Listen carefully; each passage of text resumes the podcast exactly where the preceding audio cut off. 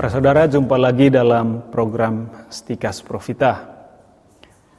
Sebagai orang Katolik, ya saat ini kita sedang memasuki masa prapaskah, suatu masa di mana kita mempersiapkan diri untuk peristiwa penting dalam hidup Yesus, yaitu sengsara, wafat, dan kebangkitannya.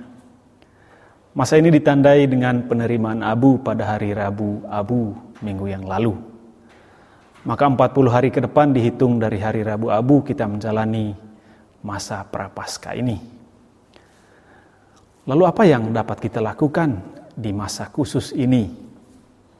Gereja sering kali menamakan masa ini sebagai masa retret agung bagi seluruh umat Katolik, di mana umat diminta untuk menata dirinya melalui sikap tobat pribadi dan sikap keterbukaan terhadap orang lain, terutama saudara-saudari yang berada dalam kekurangan secara ekonomi. Dengan demikian usaha sikap tobat kita dibarengi juga dengan aksi solidaritas dengan memberikan bantuan kepada orang yang membutuhkan bantuan materi berupa uang, barang, ya mungkin di masa pandemik ini obat-obatan, makanan, pakaian dan lain-lain. Tentu bantuan seperti ini sangat diperlukan bagi keluarga-keluarga yang sedang berada dalam kesulitan ekonomi karena sakit, karena kehilangan pekerjaan yang membuat pendapatan mereka berkurang atau bahkan tidak ada sama sekali di masa pandemik ini. Bantuan kita berapapun besarnya sangat mereka butuhkan. Kita memberikan bukan karena kita mampu, tetapi karena cinta kita kepada orang lain, seperti persembahan seorang janda miskin yang dikisahkan dalam Injil Lukas pasal 21 ayat 1 sampai 4. Dia memberi bukan karena dia lebih atau karena dia kelimpahan, tetapi saat kekurangan dia masih mau berbagi, masih memikirkan orang lain. Sikap seperti inilah yang hendak kita lakukan di masa prapaskah ini. Nah, selain hal di atas, masa ini juga diisi dengan pantang dan puasa. Tradisi seperti ini bukan saja dihidupi oleh saudara-saudari kita Muslim di bulan Ramadan, tetapi juga dalam tradisi Katolik. Banyak sekali umat Katolik menanyakan hal yang praktis ini, yaitu bagaimana orang Katolik menghayati atau menjalani masa pantang dan puasa ini. Pertama-tama kita ketahui pantang dan puasa dalam Katolik adalah tanda pertobatan. Bukan supaya badan kita kurus atau punya tujuan lain seperti untuk menghemat pengeluaran ya, dalam keluarga. Sekali lagi tujuan kita berpuasa adalah pertobatan. Ini merupakan tanda penyangkalan diri kita. Kita mau berkorban dan mempersatukannya dengan pengorbanan Kristus di kayu salib penekanan silih atas dosa dan berdoa untuk keselamatan dunia mendapat kedudukan yang istimewa. Pantang dan puasa menjadi semacam latihan rohani untuk mendekatkan diri kepada Tuhan dan memiliki cinta kepada sesama. Lalu bagaimana hal ini dilakukan? Kita lihat apa yang dikatakan oleh gereja. Kami mengutip di sini ajaran resmi gereja dari hukum gereja, hukum gereja Katolik, hukum kanonik kita. Misalnya dalam kanon 1249 dikatakan begini. Semua orang beriman Kristiani wajib menurut cara masing-masing melakukan tobat demi hukum ilahi. Ini dulu yang ditekankan bahwa semua orang harus bertobat dalam hidupnya. Tetapi terutama di masa prapaskah ini Pertobatan menjadi alasan utama kita untuk berpantang dan berpuasa. Lalu dalam kanon selanjutnya 1251 dikatakan demikian. Pantang makan daging atau makanan lain menurut ketentuan konferensi para uskup hendaknya dilakukan setiap hari Jumat sepanjang tahun. Kecuali hari Jumat itu kebetulan jatuh pada salah satu hari yang terhitung sebagai hari raya. Jadi kalau hari raya, ya ini tidak perlu. Ya. Sedangkan pantang dan puasa hendaknya dilakukan pada hari Rabu Abu dan pada hari Jumat sengsara dan wafat Tuhan kita Yesus Kristus. Artinya begini, sebenarnya pada setiap hari Jumat kita itu pantang makan daging.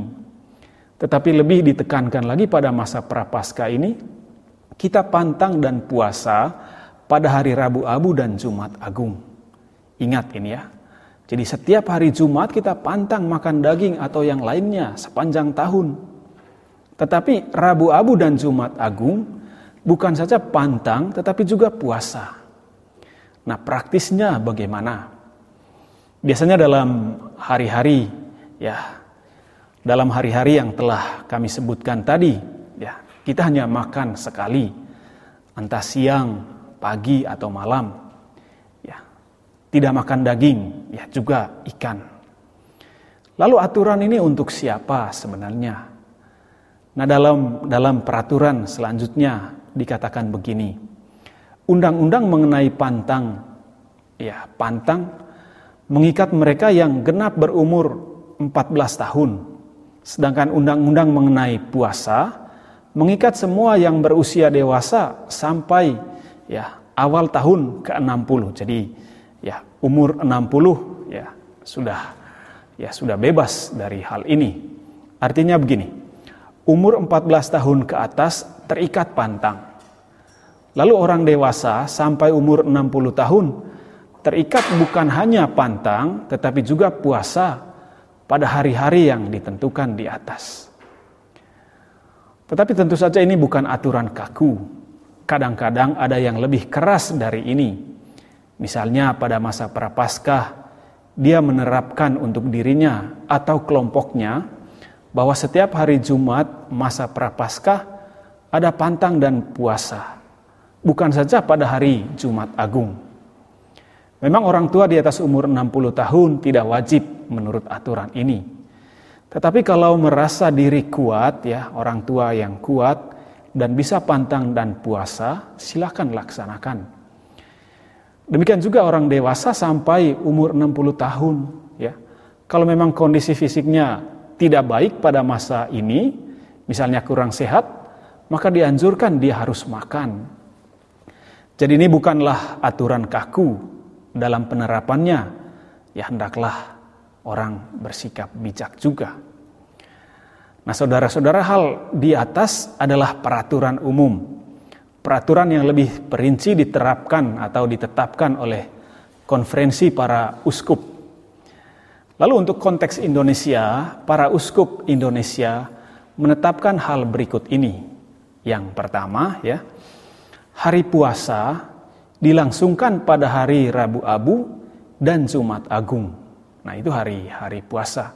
Hari pantang dilangsungkan pada hari Rabu Abu dan tujuh Jumat ya selama masa Prapaskah sampai Jumat Agung.